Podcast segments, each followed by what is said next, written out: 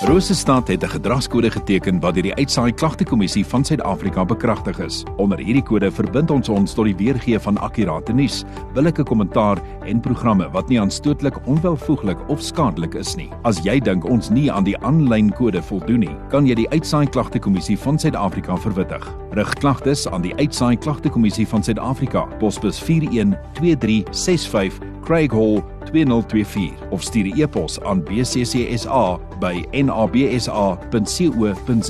Vir verdere inligting, besoek www.bccsa.co.za.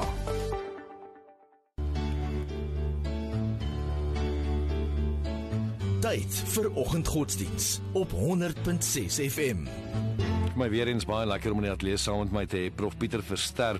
Ehm um, Prof, welkom terug op hierdie wel. Gisteraand jy sê dit 'n bietjie gesukkel om te slaap, maar dit was koeler geweest daar. Dit was koeler, dit was eintlik lekker. Nou ja, maar soms gaan dit maar so. maar uh, goeiemôre, Cyril, goeiemôre agte vriende. Se voorreg om weer saam met u te kuier, uh, weer 'n bietjie oor op pad na Advent toe, so 'n bietjie uit die Ou Testament.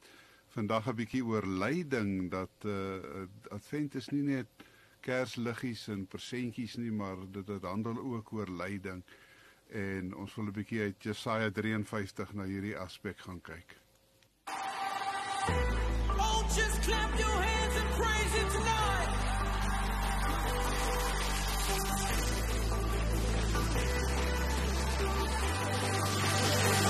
I can feel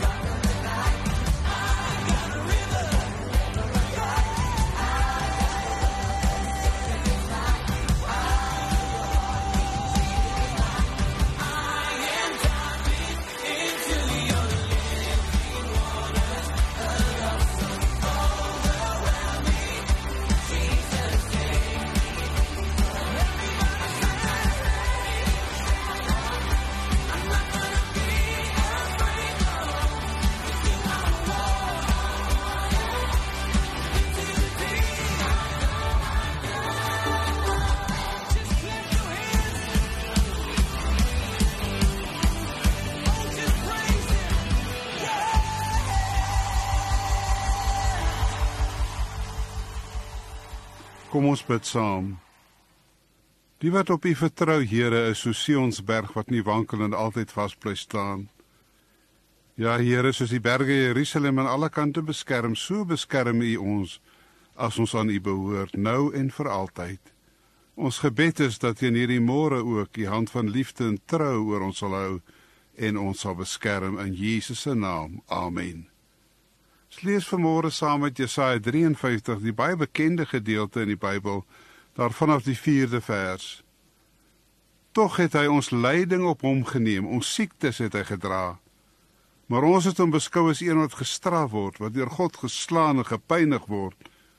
Oor ons oortredings is hy deurboor, oor ons sondes is hy verbrysel. Die straf wat vir ons vrede moes bring was op hom. Deur sy wonde daar vir ons genesing gekom. Ons het almal gedwaal soos skape en ons het elkeen sy eie pad geloop.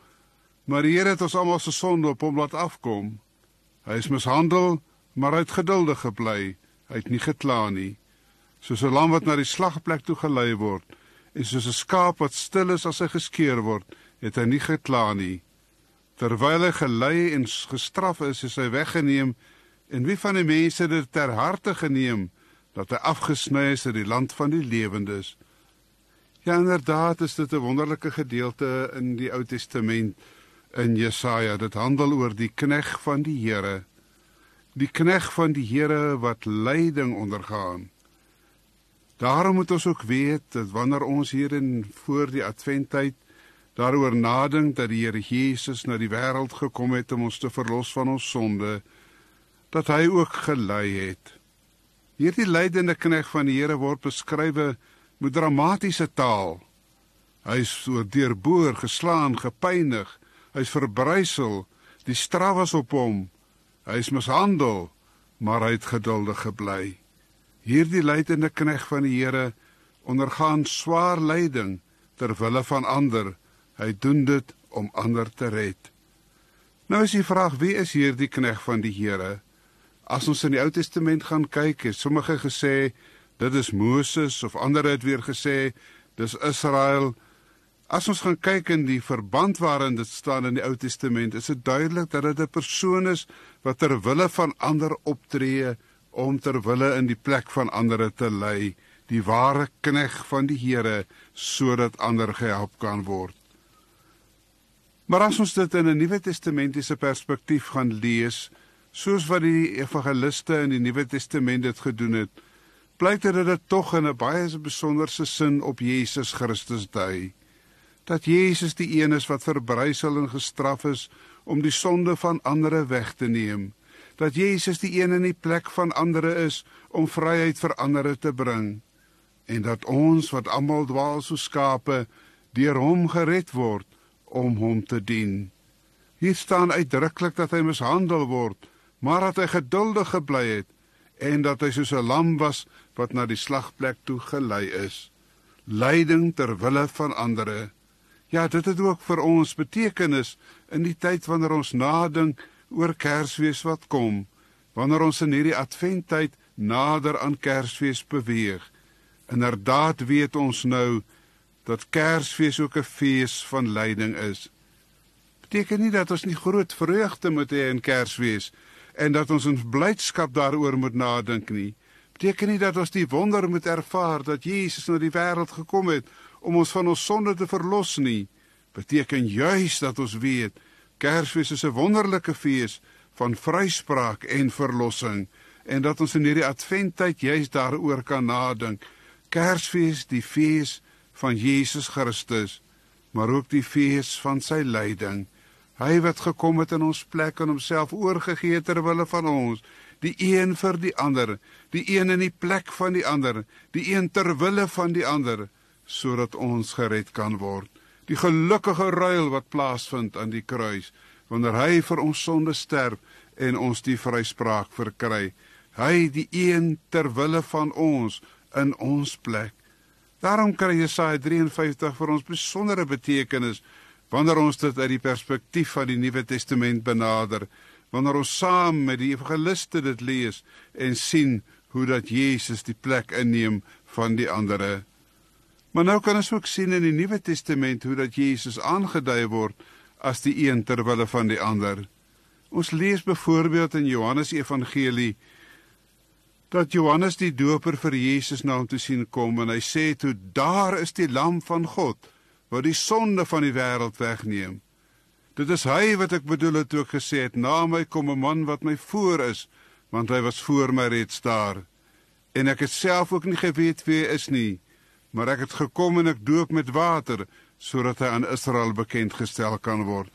En dan 'n bietjie verder wanneer Johannes die Doper daaroor nadink sê dat hy die die Heilige Gees as 'n duif op hom sien kom het en op hom gebly het en hy het gesê dat hy die een is wat die seun van God is.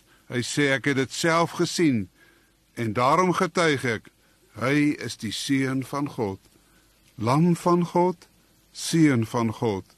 Die een wat voor Johannes die Doper was, die een wat van alle tye af bestaan en wat in die wêreld gekom het om verlossing te bring. Die een wat homself oorgee ter wille van die ander. Maar dan ook hy is die seun van God. Daardie lam van God wat ly ter wille van ander, wat homself oorgee ter wille van ander, is die lam van God. En dit het vir ons unieke betekenis.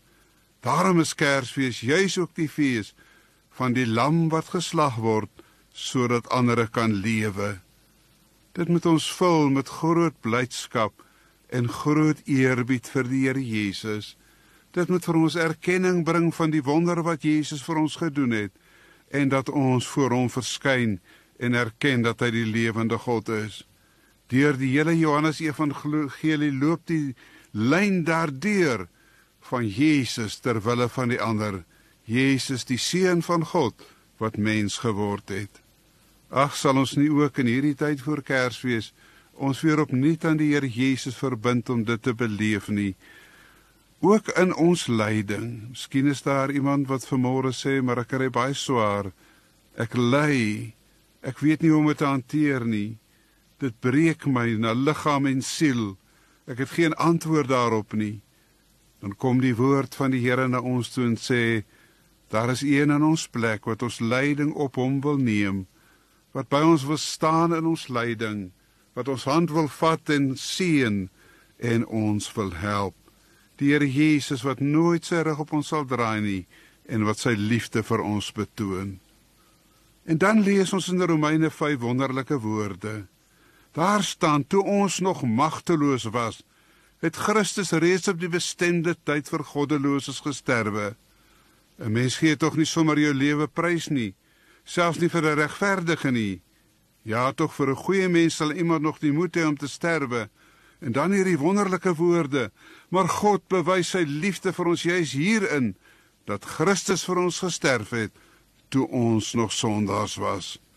Baie duidelik word dit hier uitgedruk dat die liefde van die Here Jesus daarin uitkom dat hy homself oorgee in die dood, dat hy ons liefhet toe ons nog sondaars was en dat hy sy lewe vir ons gee sodat ons gered kan word. Watter ongelooflike liefde kom hier in na vore. 'n Mens word eintlik stil. Jy het nie 'n antwoord nie. Jy kan niks sê nie. Dit is te wonderbaar. Dit is 'n wonderlike saak dat die Here ons so liefhet dat toe ons nog sondaars was, hy sy lewe vir ons gegee het. Ons wat sondaars is en wat deur hom gered word. Daarom dan in hierdie tyd voor Advent en voor die Kersfees gebeure, dink ons aan die Here Jesus as ons redder en verlosser, as die een wat homself vir ons oorgegee het, wat sy lewe prysgegee het sodat ons gered kan word. En ons juig daaroor. Dit gee vir ons groot vreugde, maar dit gee ook vir ons erns en gewyde erkenning van wat die Here gedoen het. Daarom dan opnuut wy ons ons aan die lewende Here Jesus toe. Kom ons bid saam. Here ons dankie vir die genade. Here Jesus, ons dankie dat U U lewe vir ons gegee het. U moet geëer word oor die hele aarde. U naam moet groot gemaak word. U moet geprys word. Ons erken U as ons lewende God wat mens geword het en ons erken U lyding tot ons heil en verlossing. Help ons in ons lyding om steeds na U te kyk en U te dien in Jesus se naam. Amen.